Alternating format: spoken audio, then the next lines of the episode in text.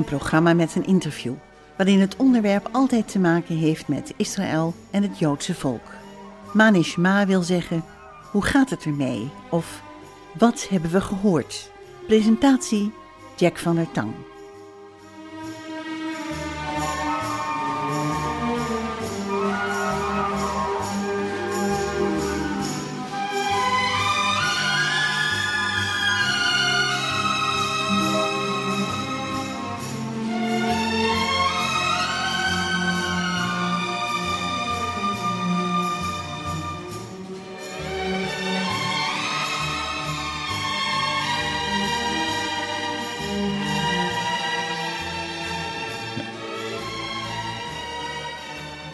Shalom luisteraars. In de studio Dr. Anko van Molenbroek uit Bodegraven. Hij is gepromoveerd in de beta-wetenschappen op het onderwerp didactiek van de biologie en werkt als schoolleider in het voortgezet onderwijs. Na zijn opleiding als landbouwkundige werkte hij als onderzoeker in de glastuinbouw. In 1996 werd de overstap naar het onderwijs gemaakt. Eerst als docent biologie, later in diverse directiefuncties. Zijn liefde voor leren en liefde voor de Bijbel resulteerde in een boek wat ik hier heb liggen. Dat boek heet Esau, hij is Edom. En 433 pagina's dik is het boek. En dat heb jij geschreven, Anko. Maar Manishma. Dankjewel, Jack. Uh, het is tof. Ja, het, is tof. Het gaat goed. Oké, fijn dat je hier in de studio bent. En een tijdje geleden kreeg ik van de uitgever uh, Aspect kreeg ik dat boek ineens opgestuurd. En uh, toen ik het boek zag, schrok ik even. Ik dacht, wat is dit nu weer? Wat een dik boek is dat. Hoe moet ik daar doorheen komen? Uh, toch ben ik eraan begonnen. Ik ben nog niet helemaal klaar. Uh, ik moet best nog wel wat lezen, moet ik je eerlijk bij zeggen. Ik heb er wel doorheen zitten bladeren. Maar ik dacht, wauw, wat een bijzonder boek. En daar gaan we vandaag over spreken. Maar misschien is het leuk, want de luisteraars denken, nou, wat is dat voor een, een man? waar kom je vandaan? vertel eens wat over jezelf. Ja, ik ben uh, Anko van Molenbroek en uh, woon samen met mijn vrouw in uh, Bodegraven. Wij zijn al ruim 25 jaar getrouwd en we hebben samen drie zoons, waarvan de oudste inmiddels getrouwd is. En nou, de jongste die woont nog thuis, de anderen die zijn al op, op zichzelf. Um, wij zijn daar ook, ook lid van de Griffmiddag gemeente in, in Bodegraven. En nou, zelf kom ik in ieder geval getogen in, in Scheveningen, dus uh, hier niet zo ver vandaan. Nee. Uh, bijna 30 jaar gewoond en de laatste 14 jaar dan in, in Bodegraven. Um, ja, wat, wat, wat zal ik nog meer vertellen? Een aantal dingen heb je al genoemd ook wat betreft mijn, mijn werkkring, het onderwijs. En um, ja, dit boek is, is de vrucht van een, een bijna van ruim vier jaar studeren, ook op dit onderwerp. Hoe kom je eraan toe om zo'n boek te gaan schrijven? Ja, dat was ook eigenlijk helemaal niet de bedoeling in het begin. Um, Heb je eerder wel eens wat geschreven? Uh, nou ja, mijn proefschrift, dat was uh, in 2012. Uh, eh, maar goed, dat, dat zullen waarschijnlijk nog veel minder mensen lezen. Um, dus ik heb daar wel leren studeren. Promotieonderzoek is ook gewoon een, een opleiding. Ja. Dus ik heb wel leren studeren, analyseren. En, en ook, ik weet ook dat je, als je schrijft, dat je schrijft ook om iets, iets over te brengen. Nou, ik ben daarnaast natuurlijk ook gewoon onderwijzer. Um, en ik kwam er, wij gaan al um, tientallen jaren mee ook met, met Gezinskamp. Gezinskamp, dat is een, een, een, nou, een, organisatie van vrijwilligers die, die samen met elkaar op vakantie gaan, gezinnen. En dat is al ruim 25 jaar is dat al in de, de, het geval in de zomer. Ehm, en we doen dan s ochtends uh, bijbelstudie uh, en smiddags, uh, s s'avonds andere bezinning of ontspanning, sport en dergelijke. Dus we zitten ook met, met heel veel broeders en zusters ook bij elkaar en daar gaat het woord een hele week open. En een van de dingen die ik daar de afgelopen jaren gedaan heb, was het geven van, van studies. Meer diepgaande studies. Ehm, mensen komen ook soms gewoon, we willen ook gewoon eens wat horen, willen wat leren. En, toen ben ik begonnen in Genesis, de, de, geografie, de genealogie van, van de volken. Um, en ik ontdekte toen in Genesis 36, toen ik daar aankwam, de, de, de, afstamming van, van Esau. En heel opvallend dat daar dan in, die, in de Genesis 36 een aantal keer staat: Esau, hij is Edom. Of dat is Edom. Of Esau, hij is de vader van Edom. En dat, dat triggert mij dan, zo'n herhaling. Dan denk ik, waarom staat dat er dubbel? En überhaupt, waarom staat dit hoofdstuk er? Ja, ik denk dat dat hoofdstuk trouwens eh, heel vaak wordt overgeslagen als mensen de Bijbel lezen. Dat denk ik ook, ja. Ja, ja. of het wordt gelezen en, en er wordt... Ehm, ja, Ik, ik, kan me ook goed voorstellen dat je niet weet wat je ermee moet. Maar dan, dan heb je dat hè, van uh, Esau, hij is Edom. Hoe ga je dan beginnen met zo'n studie? Hoe ga, wat, wat, wat ga je dan zoeken? Hoe ga je beginnen? Ga je dan in de Bijbel zoeken of ga je dan in boeken lezen? Nee, ik, ik, uh, ik begin in de Bijbel en eigenlijk blijf ik daar ook steeds bij. En dan uh, kom, ik, kom je vanzelf dingen tegen waarvan je denkt, nou, daar moet ik even wat meer van weten. Het zijn bepaalde woorden in, in de grondtaal. Het zijn dat je ze bedenkt van, nou, is er iemand die hier al wat over geschreven heeft? Is er hier al ergens een uitleg voor uh, van? Nou, van Genesis 36 is die er niet in het integraal over het hoofdstuk. Wel sommige elementen, want er zitten best wel wat uh, teksten of, of frases in waarvan je denkt van, nou, daar kun je wat mee. Dat, dat geeft meer informatie dan alleen de naam. Um, maar nergens lees je een, een, een verklaring waarom dit hoofdstuk erin staat. En daar ben ik altijd naar geïnteresseerd waarom vond de geest het nodig om dit op te schrijven, op te laten schrijven? Want als je naar Genesis kijkt, een boek wat een paar duizend jaar beslaat in de in tijdrekening, en je ziet wat er dan beschreven wordt, is natuurlijk heel, heel apart. Dat dat uh, maar zeer beperkt is, wat verhalen betreft. Wat, uh, dus blijkbaar zitten er andere elementen in de schrift die, die, die, die je kunt ontdekken waarom bepaalde Bijbelgedeelten er daar staan op die plek en op deze wijze. Ja, en zo, zo ontdekte ik dus dat, er, dat Genesis 36 eigenlijk heel veel structuur ook heeft. Denk jij dat ehm, de boodschap uit jouw boek, waar we nog verder over gaan hmm. praten, ook heel actueel is? Dat oh, het zegt actueler dan ooit misschien wel? Uh, absoluut. Uh, want wat ik ontdekte dat Genesis 36 eigenlijk ook, uh, laat maar zeggen, een blauwdruk is voor de wereldgeschiedenis. Dus ook tot de dag van vandaag en de komst van het Vrederijk. En het tweede deel over Amalek. Als ik, als ik mag vragen over het Vrederijk, wat bedoel je daarmee voor de luisteraars? Want je komt uit de gereformeerde gemeente, dus ik kan me voorstellen dat daar een andere visie op is. Uh, daar is het na het over het algemeen niet gebruikelijk om, om aan een vrederijk te denken. Dat wil zeggen dus dat de Heer Jezus opnieuw terugkomt, uh, wederkomt uh, naar deze wereld om, zijn, om de, de, de koningsstaf, de scepter op te pakken ook. Um, en ik geloof dat dat ook heel duizend, is. Uh, duizendjarig vrederijk, dat bedoel je? Ja. Oké. Ja. ja. Oké, we gaan verder. Mm -hmm. um, sorry dat ik je afleidde eventjes, maar... Geen probleem. Um, we hadden het over Genesis 36 en de actualiteit. Ja. Ja. Dus jij zegt het is zeer actueel. Um, je hebt het boek in twee delen verdeeld. Ja. Het eerste deel is... Het gaat over Esau Edom. Hè, dus echt Genesis 36. En uh, aangevuld dan met wat uh, andere gegevens over zijn, zijn, uh, zijn erfland, zijn, de verdere geschiedenis die dus niet in de Bijbel staan, maar waar je wel wat over kunt zeggen. En het tweede deel gaat over Amalek, dus de kleinzoon van, van Esau. En als ik mag vragen, ik heb pas een studie gedaan ook en zelf gesproken ook en met anderen over gehad over het gevecht van Esau. Ja is natuurlijk heel interessant. Ehm, maar jij noemde net de wereldgeschiedenis. Het gaat over de wereldgeschiedenis. Mhm. Eh, ik heb genoemd in mijn, uh, uh, in mijn spreken over dat gevecht wat Jacob had. Ja. Dat daar ook de wereldgeschiedenis bepaald is eigenlijk. Ehm, wat, wat zie jij daar? Vind jij, denk jij dat het ook heel belangrijk is dat dat gedeelte, of zeg jij, het gaat nog veel verder met de wereldgeschiedenis die bepaald wordt in Genesis 36? Ik, ik heb het natuurlijk over het gevecht van Jacob. de worsteling van, bij de ja, Jabok. Ja. Ja. Ja. Dat hoofdstuk ehm, noem ik in, in mijn boek inderdaad de Engelvorst van Esau. En uh, dat is ook naar een aanleiding van wat, wat de Joodse overlevering uh, zo zegt. Hè. Dus de man die worstelt met Jacob uh, is de engelvorst van, van Esau. Um, dat is ook anders dan wat in de gereformeerde theologie wordt, wordt genoemd. Hè. Daar wordt deze man een, een Christofanie, een, een verschijning van de Heer Jezus ook genoemd.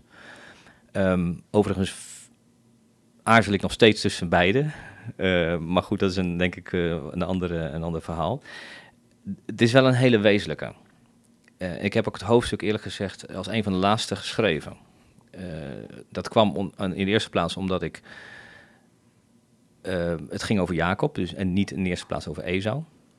Oh, op die manier. Later, ja. toen ik dat hoofdstuk 36 verder helemaal uitgewerkt had... en toen kwam ik toch weer terug ook bij, bij het hoofdstuk over de worsteling van Jacob...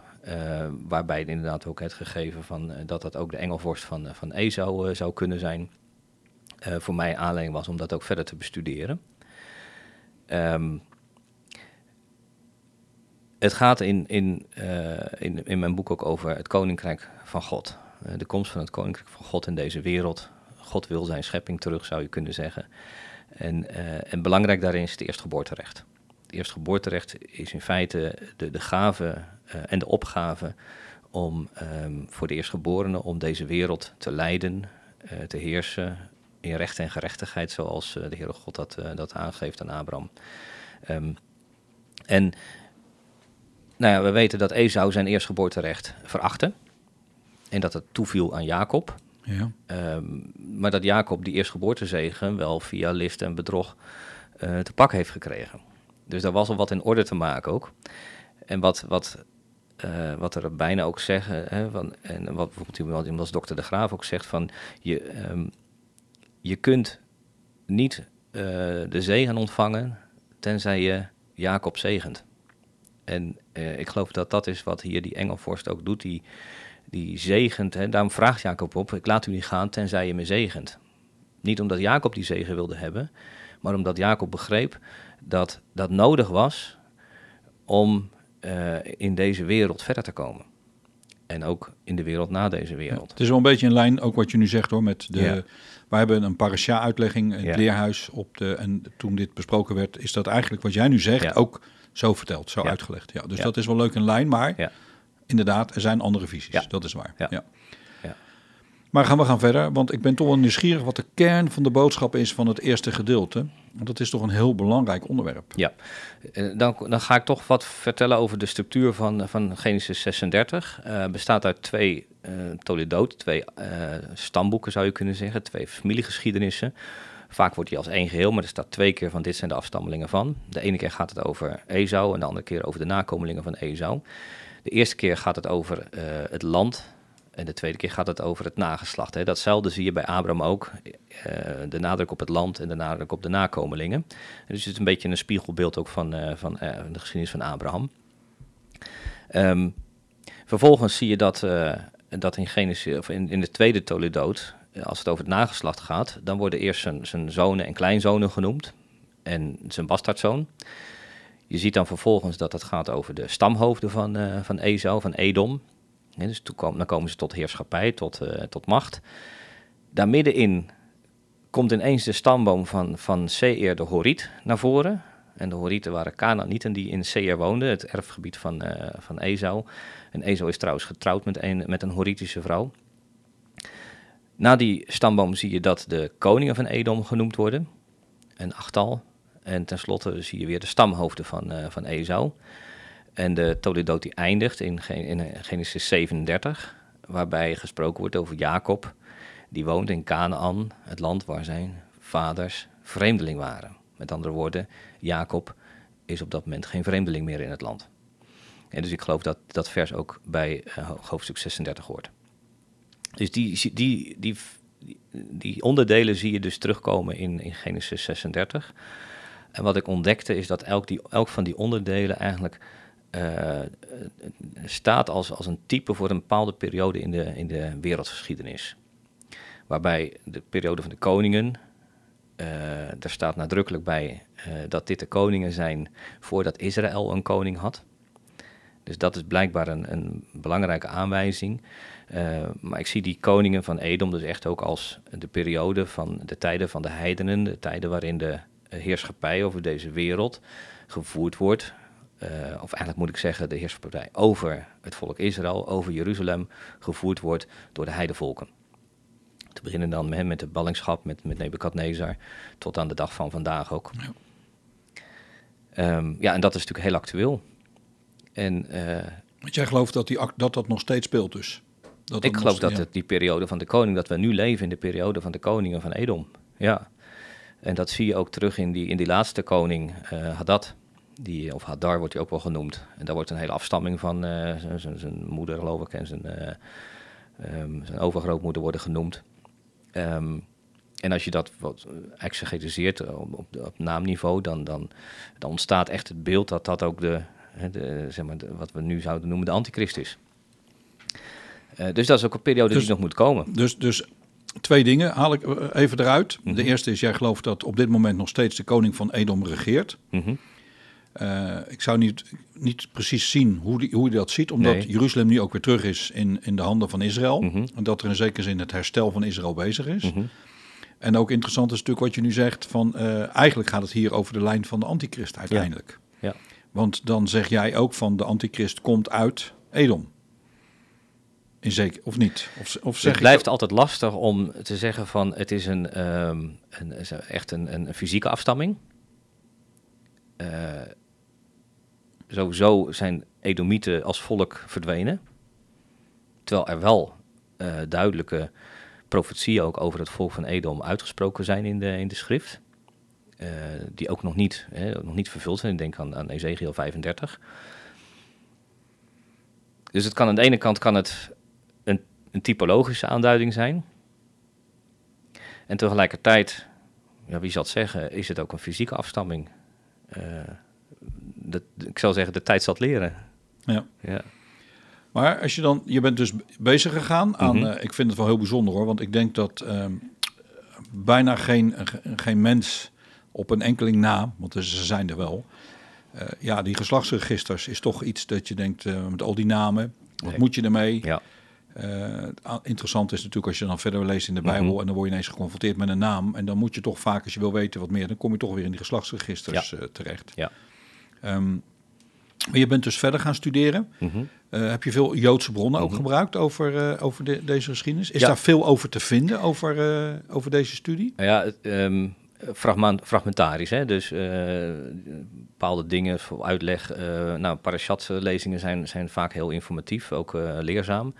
Um, dus ik heb inderdaad, in, denk in verhouding, veel Joodse bronnen gebruikt in dit geval is internet ook wel je vriend. Je, dus dat, dat scheelt. En ik, Engels is wat dat betreft ook niet zo'n probleem. Um, ja, ik heb, Ik heb jouw boek aan meerdere mensen laten zien. Ja. Mijn zoon heeft theologie gestudeerd, die liet ik het zien. Ik sprak er met mensen over en, en eigenlijk kreeg ik maar één antwoord. Dit was hun eerste boek dat ze zagen, wat zo gevuld was met de informatie over Esau en Elom. Ja. En gelijk, oh, dat is wel heel interessant. Want ja. uh, hier wil ik eigenlijk wel meer van weten, want ik weet er eigenlijk zo weinig van. Ja. Uh, Esau is Edom en dan heb je natuurlijk de geschiedenis, de Rooms-Katholieke Kerk, waar dat plaatje op wordt geplakt, ook vanuit... Uh, daar ga jij natuurlijk ook verder op in. Misschien kun je daar wat over vertellen of hoe jij dat ziet. Of mis ik ehm, nog wat met informatie? Nou ja, ik denk dat, ik, dat we even een stapje terug moeten ook naar, uh, gewoon naar dat hoofdstuk 36. Want je hebt het over die namenlijsten, die, die geslachtslijsten. En, en de vraag is wat dat dan betekent. Uh, wij weten natuurlijk van een heel aantal namen in de Bijbel. Die worden ook uh, gezegd van daarom zijn ze zo genoemd. En dus de betekenis van de naam heeft blijkbaar ook waarde in de context waarin die gebruikt wordt. En dat is voor geslachtsregisters altijd lastig. Um, tegelijkertijd heb ik ontdekt, ik had het net al over de, de structuur van, van Genesis 36, dat ook in die teksten, uh, ook in die namenlijsten, daar zit ook, ook, zit ook een volgorde, zit ook structuur in. Want Esau had, had meer zonen en kleinzonen dan de vijftien die genoemd worden. Alleen deze worden genoemd. Dus ook weer de vraag van waarom zijn dat dan deze?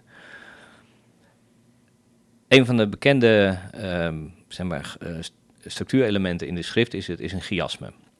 Een, zeg maar een kruisstelling. En, en uh, je moet een soort, soort pijl bedenken, waarbij de uiteinden van de pijl, die, die corresponderen met elkaar. Het kan, kan elkaar spiegelbeeld zijn uh, of dezelfde boodschap. En in het midden, echt sec in het midden, daar bevindt zich dan de kern van, van, van dat stukje. Daar, daar kun je dus, dat helpt je dus ook bij de exegese. Um, en wat ik ontdekte, als je kijkt naar die namenlijst van Esau, de eerste 15, dan zie je dat aan de buitenkanten worden de zonen van uh, Esau genoemd. Uh, twee aan de, aan, de, aan de bovenkant en drie aan de onderkant. Daartussenin staan twee groepen van kleinzonen. En exact in het midden op de achtste plek staat Amalek, de bastaardzoon van Esau, of de kleinzoon van Esau.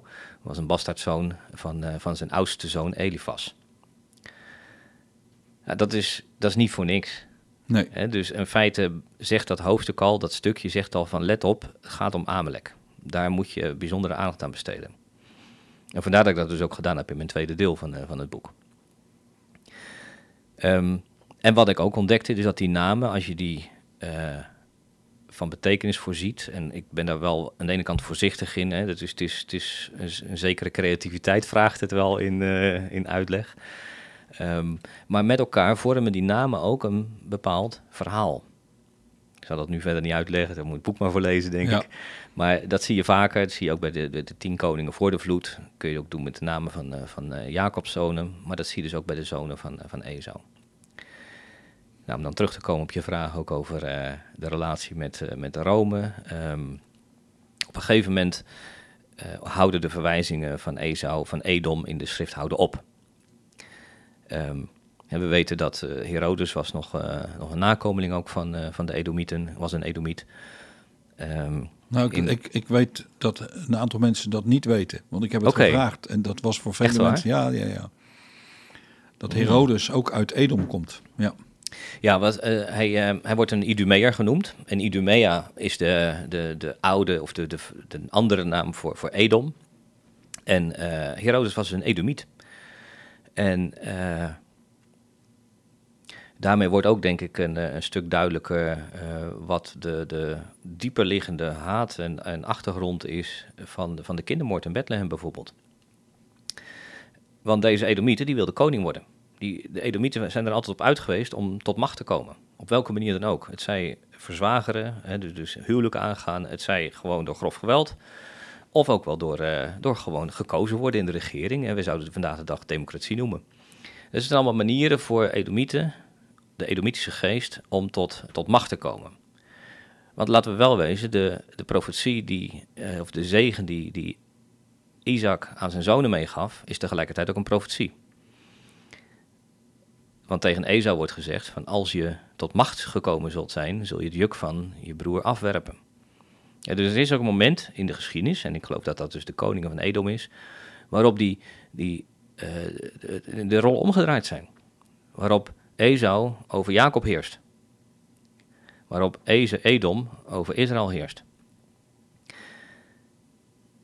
En heel concreet zie je dat op, op een moment dat de Heer Jezus in deze wereld komt. Dan wordt dat ineens zichtbaar. Dan zie je dat, dat daar Herodes komt. Want eh, de, de Maccabeeën die hadden geloof ongeveer uh, eh, 150 of, of uh, een kleine 200 jaar voor, uh, voor de komst van de Heer Jezus, hadden de Edomieten overwonnen. Die hadden ze verslagen en ze hadden de keus of sterven of verbannen of gewoon zich bekeren tot het, tot het Jodendom. Dus er zijn ook heel wat Edomieten, die zijn toen de tijd ook tot het Jodendom bekeerd. Die zijn Jood geworden. Ja. En heel frappant is dat je dan vervolgens die Edomiet Herodes in de macht ziet komen op het moment dat de Jezus geboren wordt. Ook daar zie je weer die strijd terugkomen tussen Jacob en Esau, tussen Edom en Israël.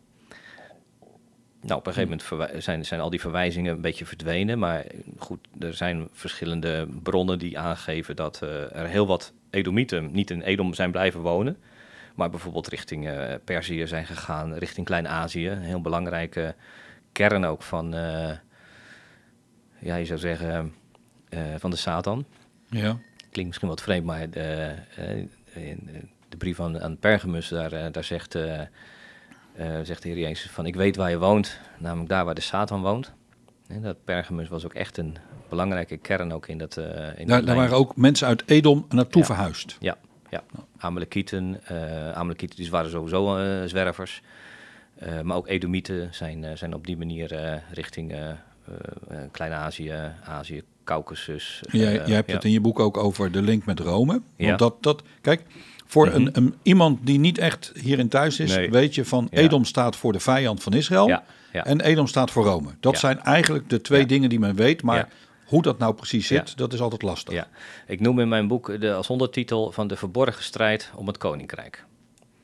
Eh, eh, ik geloof dat er een strijd woedt onder de oppervlakte, zou je kunnen zeggen, om de macht. Om de heerschappij in deze wereld. En Edomieten doen dat met alle mogelijke middelen. Maar Edomieten zijn ook gewoon mensen.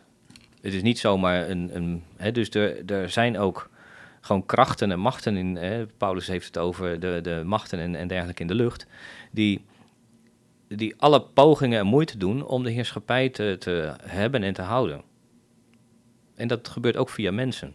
En af en toe zien we dat concreet eh gestalte krijgen, bijvoorbeeld in het, in het, eh, in het Duitse Derde Rijk of, of vandaag de dag in de, in de, de Islamitische Staat. Eh dat zijn allemaal, eh, in dit geval, Amalekitische uitingen. Oké, maar dat is eigenlijk wat je beschrijft in het tweede. Ja, dat is in het tweede. Voordat we naar muziek Ja. gaan luisteren, heb ik Ja. toch nog één vraag, want dan kunnen we naar Amalek Ja. na, na de muziek gaan. Ja. De link met Rome, nog Ja. even. Want Ja. ik heb dat altijd als geestelijk gezien, maar jij legt het toch wel op een hele bijzondere manier uit. Ja. Ehm, de, er is in de overlevering en de, de geschiedenis ook wel wat, eh, wat aanwijzingen dat er Edomieten zijn die, eh, de, die Rome hebben gesticht. Dat is één. Of dat er Edomieten zijn die betrokken, die ze verhuurden zich ook als, als, eh, als soldaat. Hè, en daar ook bij betrokken zijn geweest bij de stichting van de staat Rome, of van de stad Rome. Ehm, dat, is, dat is een van de aanwijzingen. En dat dat ook concrete kleinzonen van, eh, of zonen en kleinzonen van, van EZO zijn geweest die daarbij bij betrokken zijn.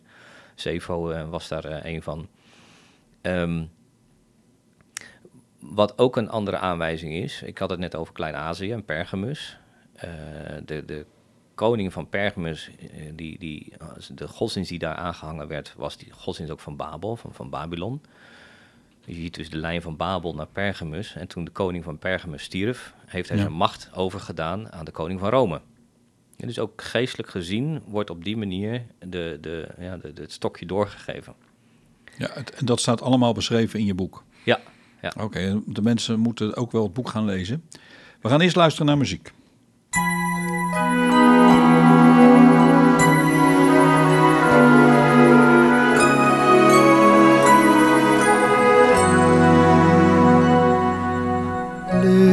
Listen, Jacob, listen well, for you bring grace to Israel. I have wiped your sins away, born to clear a path for praise. Shout forth from all the heavens, shout forth, O all the earth. O shout joy for thy salvation. O break forth and let your joy resound,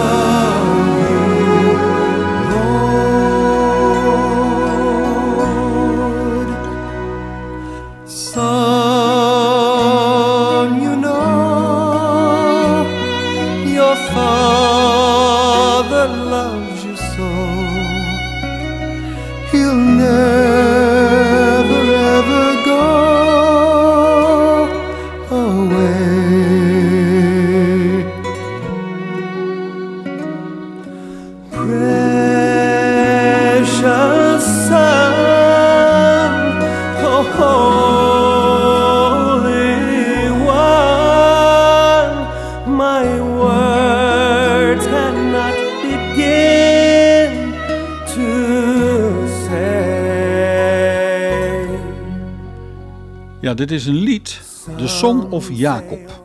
Het gaat natuurlijk niet over Esau, maar er is niks te vinden over Esau. Geen liederen over Esau. Dus eh Chuck King die dit zingt. Maar in jouw boek heb jij ook iets beschreven over muziek.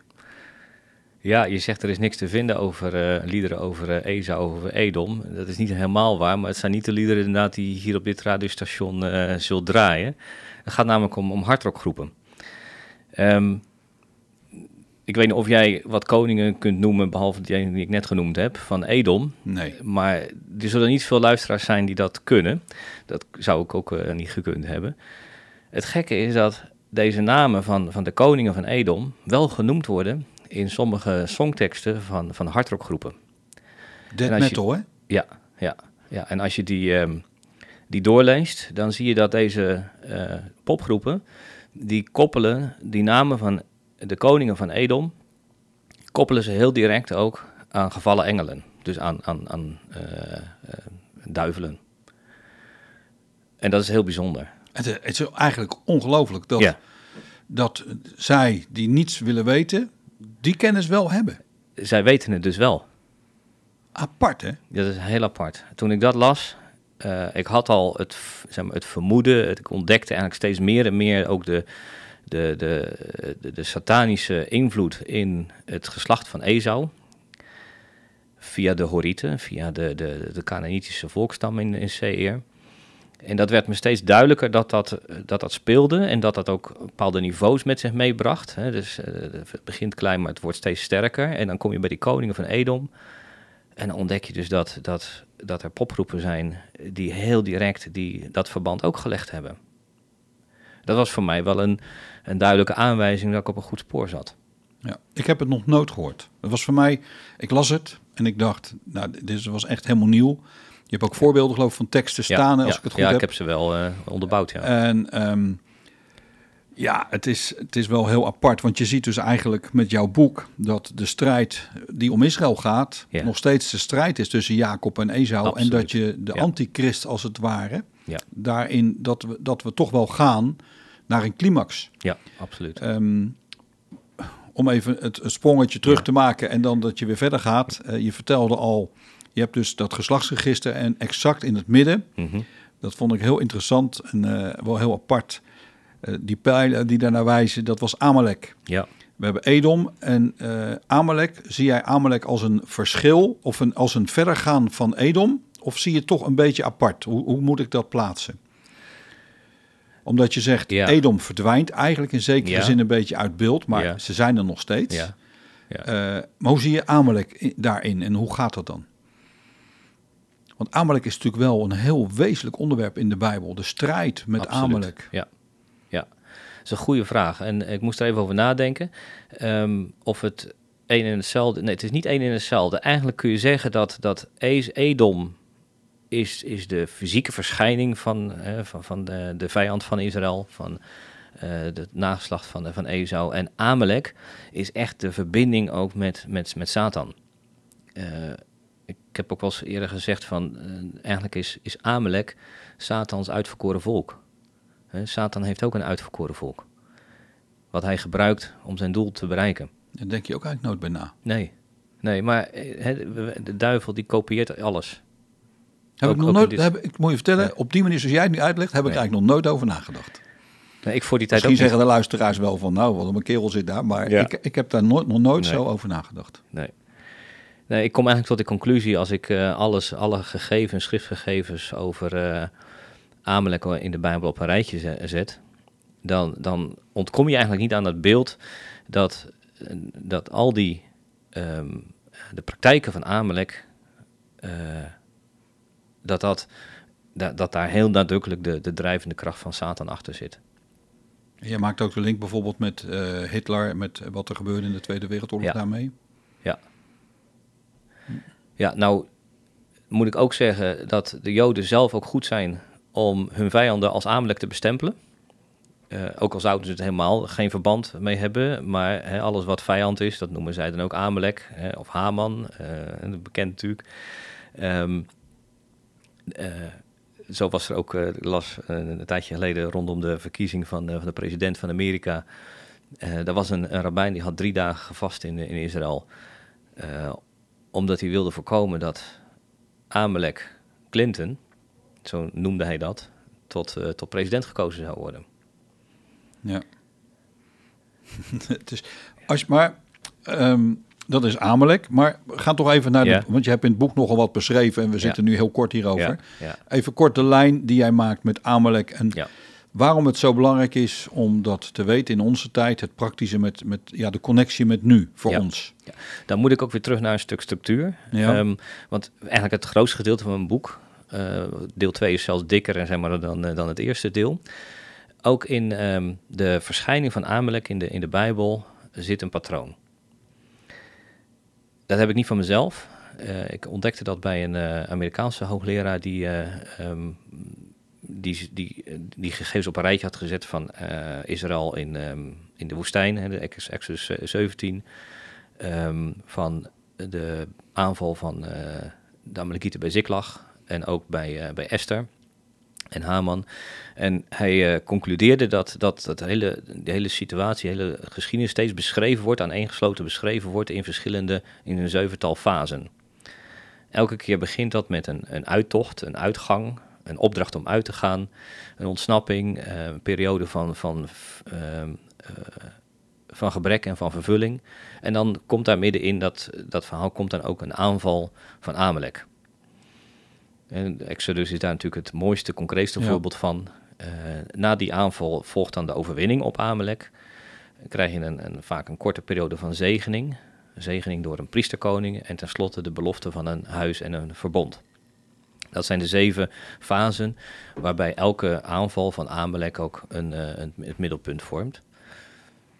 Nou, de bekende zijn natuurlijk Exodus 17, de aanval van Amalek in de woestijn. Overigens weer de vraag van wat maakte nou dat Amalek daar juist op dat moment die aanval deed. Nou, dat, dat vertel ik in mijn boek. Vervolgens zie je dat uh, de volgende fase dan uh, bij koning David is. Eerst Sal die de opdracht kreeg als eerste koning van Israël. Een van de eerste opdrachten die hij eigenlijk als, of als eerste koning had was om de ban uit te oefenen over Amalek. Maar hij deed dat niet. Um, dan zie je dat, dat de overgeblevenen van Amalek Siklag vernietigen, de woonplaats van, uh, van David. Vervolgens de volgende fase, of de volgende periode waar Amalek naar voren komt, is, is de, uh, de opzet van Haman om het hele volk te vernietigen. En toen was het op een gegeven moment ook de vraag van, oké, maar waar, waar zie ik dan nog meer uh, verschijningen van Amalek of eigenlijk van Satan? En de, Mag ik even terugkomen voordat ik je... Te, ja. in, Haman, is daar een biologische band met Edom? Um, nou, met Amalek. Men, uh, de, Bijbel geeft natuurlijk aan dat het een agagiet is. Nou zijn er verschillende opvattingen. Uh, de studiebijbel geeft aan bijvoorbeeld aan van... nou, het is maar zeer de vraag of de Amalekiet is geweest.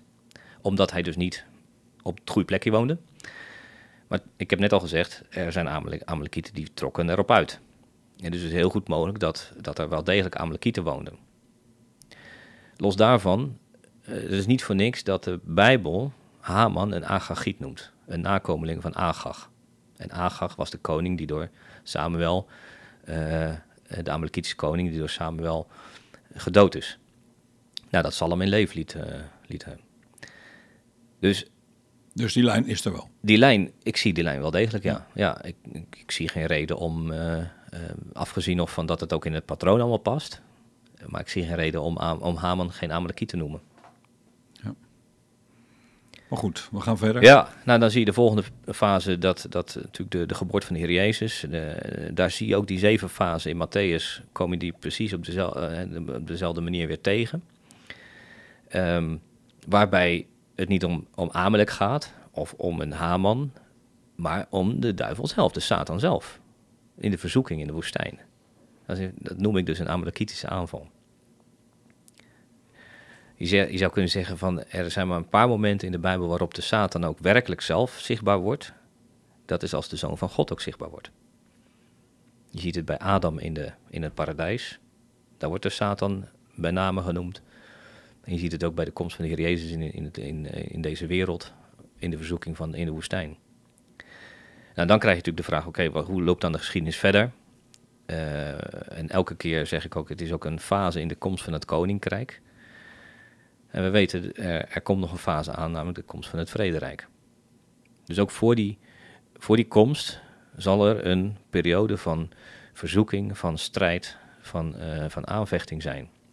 En ook een fysieke verschijning, denk en jij? En ook een fysieke verschijning. Uh, ik geloof inderdaad dat, dat wat Ezekiel uh, beschrijft in, de, in Ezekiel 38, 37, 38 en 39 over de Gogoorlog, dat dat ook dezelfde is ook als wat wij ook wel de grote verdrukking noemen, of um, de periode waarop de antichrist zichtbaar zal worden, die op zal trekken naar Jeruzalem om, uh, uh, om ja. de macht te grijpen. Maar Gog Magog ja. staat uh, in openbaring weer na het einde van het duizend jaar. Ja. Zie jij dit als na het einde van het duizendjarig nee, vrederijk? het zijn twee dingen. Um, in Ezekiel gaat het over Gog uit Magog. En in uh, openbaringen wordt Gog en Magog genoemd. En dan is het aan het eind van de duizend jaar. Uh, ik zie inderdaad in mijn, in mijn, boek zeg, zeg, ik ook inderdaad dat Gog ook een verschijning is van de Satan. En dat is aan het eind van de duizend jaar ook, als de Satan wordt vrijgelaten. Hij wordt losgelaten. En het eerste wat hij doet is de menigte verzamelen om op te trekken over de hele breedte van de aarde naar, naar Jeruzalem toe. Maar dat is dan ook wel de finale. Als je kijkt, uh, je hebt zoveel jaar gestudeerd. Mm -hmm. Je bent zoveel tijd heb je daarin in gezeten. Dus je bent echt aan het onderzoeken geweest. Maar nou zitten de luisteraars en die zijn eigenlijk wel nieuwsgierig. En ik hoor daar dan ook wel even bij. Hoe jij het ziet met de huidige tijd waarin we leven. Um, kun je ook in zekere zin met, het, uh, ja, met alle stappen die je hebt uh, gezien vanuit de geschiedenis. En je kijkt nu naar het huidige, naar de huidige tijdperk. Kun je daar iets uit leren dat je zegt, nou, we zitten nu al heel dichtbij of er moet nog dat gebeuren? Kun je dat stellen van, als je naar het patroon kijkt van eerdere verschijningen? Ja. Kijk, als je naar het patroon kijkt, dan kun je best zeggen van, we zitten ongeveer daar of daar in het patroon. Maar ik ben altijd erg voorzichtig om dat ook direct te koppelen aan de tijd. Niet te min. Ik zal niet vragen hoor dat je gaat vertellen wanneer, die, wanneer Jezus terugkomt. Voor mij, dat nee, dat, uh, dat zou ik ook absoluut ook niet kunnen. Nee, maar goed, dat is, dat is natuurlijk wel de verleiding om dan op die manier ook, ook te werk te gaan. Maar is, volgens mij werkt het zo niet. En daar is ook mijn boek ook niet voor. Dat is ook het patroon. Wat ik, ik beschrijf het patroon gewoon sec zoals het in de Bijbel staat. En ik heb dus een exegese gedaan ook van, van Ezekiel. Van, met name dan uh, 33 tot, uh, tot 39 omdat dat in dat patroon past. En um, natuurlijk koppel je dat ook en, en, vergelijk je dat met gegevens uit, uh, uit de openbaringen. Maar ik ga niet zo ver, en dat, daar is het boek ook niet voor, om dan te zeggen van nou daar of daar zitten we in de tijd. Ik geloof wel, hè, we zitten in de tijd van de koningen van Edom. Dat, dat, dat kun je, gewoon uit, uit mijn boek kan ik dat bewijzen. En dat is voordat Israël een koning heeft. Dus er komt nog een koning van Israël. De koning. De koning van Israël, ja. ja. En voordat dat zal gebeuren, dat is dus de laatste fase als zeg in, de, in de komst van het koninkrijk van God op deze wereld, in de, deze aarde, uh, zal, er ook, zal, zal de Satan ook alles aan doen om dat te voorkomen. Ezekiel spreekt over het samenvoegen van, van Jozef en Juda. Heel, heel specifiek wordt er Jozef genoemd en niet, niet Ephraim. Hoewel het hout van Jozef in de hand van Ephraim is. Het gaat over het eerstgeboorterecht. Eerstgeboorterecht wat weer tot één geheel wordt gemaakt. En daar, zal die, die, daar richt zich die aanval ook op. En of, dat zal aan de ene kant, ik geloof echt wel dat het ook een, een fysieke oorlog is. De rabbijnen zeggen heel mooi van, uh, er is geen oorlog zonder Edom. Dat is het ene wat ze zeggen. En ze zeggen tegelijkertijd, een oorlog die in, de, in, de, in het geestelijke niet gewonnen kan worden, die zet zich op de aarde voort. Die zet zich in het, in het werkelijk, in de concrete werkelijkheid voort. En zo, zo spreekt de Bijbel daar volgens mij ook over. Dat uh, het niet alleen maar een geestelijke strijd is, maar ook heel concreet uh, de uh, fysieke strijd om, om de heerschappij op deze wereld. Ja, nou hebben we natuurlijk heel wat meegemaakt met het Joodse volk, want daar gaat het natuurlijk vooral om, om, mm -hmm. de, om de vernietiging van het Joodse volk. Ja. Zoals je dat ook beschrijft in ja. natuurlijk maar Herodes. Mm -hmm. nou hebben we natuurlijk de Holocaust gehad, waar ja. natuurlijk een vreselijke aanval geweest is op het Joodse volk. Uh, denk jij dat er nog zoiets nog een keer gaat komen? Of als je kijkt naar dat patroon, of zeg je van um, we zijn nu aan een andere fase bezig? Dat we vlak voor het herstel zijn? Of vind je dat lastig om dat te beantwoorden? Ik uh, ben daar erg voorzichtig in om, om dat te duiden. Al ik zeg hou het ik namelijk, mijn hart wel vast. Hou ik mijn hart wel vast. Oké, Ik zeg het Ja. namelijk omdat het Ja. natuurlijk een bepaalde visie is. Ja. Eh, je hebt het niet over de opname in je boek, Nee. wat natuurlijk bij velen wel een belangrijk punt is. Ja. Daar spreek jij niet over, maar een van de dingen is die dan geleerd wordt dat nog twee derde Mhm. van Israël om gaat komen. Ehm, daar heb ik zelf, worstel ik daar heel erg mee. En ik heb daar mijn twijfels over of dat echt zo is, of dat dat niet al gebeurd is in de geschiedenis. Mhm. Eh, maar op de manier hoe jij nu het uitlegt met dat patroon, vind ik het ineens weer een ander verhaal worden.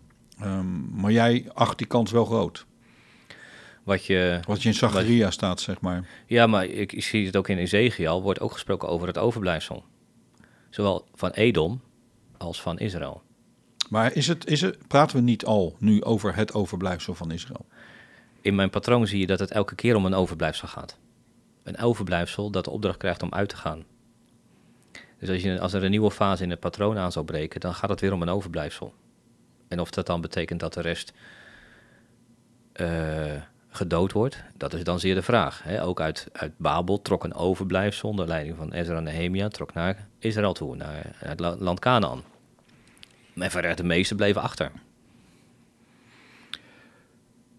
Ehm, Anko, Mhm. ik heb hier een boek liggen van 433 pagina's. Dat zei ik in het begin ook al. Eh nou hebben de luisteraars wat eh, geluisterd naar ons gesprek. En die zullen zich misschien afvragen, ja, maar wat heb ik eigenlijk aan die kennis? Ik heb nou heel veel gehoord, maar wat word ik eigenlijk wijzer van? Wat schiet ik ermee op? Ehm, wat zou jouw antwoord dan zijn? Voor mezelf is, ehm, wat ik er zelf aan gehad heb, is ten eerste dat de rijkdom van de schrift.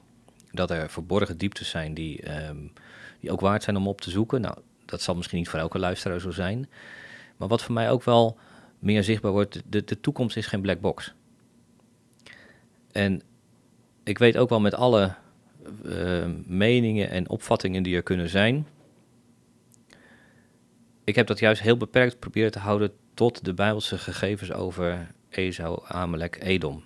En ik nou, denk dat we daardoor wel wat, wat wijzer zijn geworden. Dat het eh, minder ik zou zeggen, verwarrend is, is geworden. Tegelijkertijd, je leert ook om de vijand te herkennen. Het gaat niet alleen trouwens dan een fysieke vijand. In mijn boek eh, eh, heb ik ook een hoofdstukje over van eh, waar is Amalek vandaag. En er was een, ehm, een van mijn bronnen die, die beschreef een, aantal kenmerken van een, een Amalekitische volk of, of eh, op, eh, geest, zeg maar. Dat was eigenlijk voor de opkomst van de Islamitische staat. Nou, als je die kenmerken leest, eh, het, het eh, gebrek aan eh, eh, angst voor de dood of eh de omgaan met vrouwen, de ehm, totaal gebrek aan respect voor cultuur, eh, noem maar, op. En als je dat dan één op één legt op wat eh, de praktijken van de Islamitische staat ook eh, inhouden, dan zie je dat dat, dat het Amalek eh, vertegenwoordigt. En dus je leert ook, als het ware, de vijand herkennen. En dat was voor mij ook wel echt wel een, een, belangrijk, eh, een belangrijk leerpunt. Dat wil niet zeggen, je moet wel oppassen dan, dan weer overal de vijand in te zien. Nee, maar, Maar, je, je, wordt, eh, je, ja, je wordt wel alert. nou, wat, wat mij wel toch wel getriggerd heeft ook in dit, eh, in, in dit programma is natuurlijk dat je zei, ja, de Heere God heeft een uitgekozen volk, Ja, eh, maar dat heeft dus ook Satan. ja. Ik heb daar nooit over nagedacht. Eh, hij is voor alle mensen gekomen, voor alle mensen gestorven. Oh, zeker, ja. Maar eh, het blijft een mysterie natuurlijk. Jij komt uit de gereformeerde gemeente over de verkiezingsleer, de uitverkiezingsleer. Ehm, ik geloof dus ehm, in zekere zin, kijk, iedereen heeft een eigen wil, een vrije wil. Daar ben ik van overtuigd. Mhm. Maar je kunt niet ontkennen dat er een bepaalde uitverkiezing is. In, Nee. in het eh, Nieuwe Testament Mhm. lees je dat, maar ook in, het, in, de, in de Oude Testament, Tenach, dat er toch een bepaalde verkiezing is. Daar kun je gewoon niet omheen. Daar zijn Mhm. te veel Klopt, eh, ja. schriftwoorden in. Maar dat, dat is toch een beetje het mysterische. Mhm. Hoe dat dan zit, hoe dat dan werkt. En daar kun je niet altijd zomaar klak een, een antwoord op geven. Maar wat jij nu in dat boek beschrijft, ehm, vind ik toch wel... eh, ja, ik, ik vind het toch wel heel bijzonder. Je hebt ook heel veel kleine eh, zaakjes erbij. Je hebt heel veel bronnen. Ehm, als ik een boek open doe, dan doe ik, kijk ik altijd eerst aan het begin En ik kijk altijd aan het einde van, hé, hey, wat zijn de bronvermeldingen? Want Ja. dat vind ik altijd wel eh, leuk om te zien. Ja.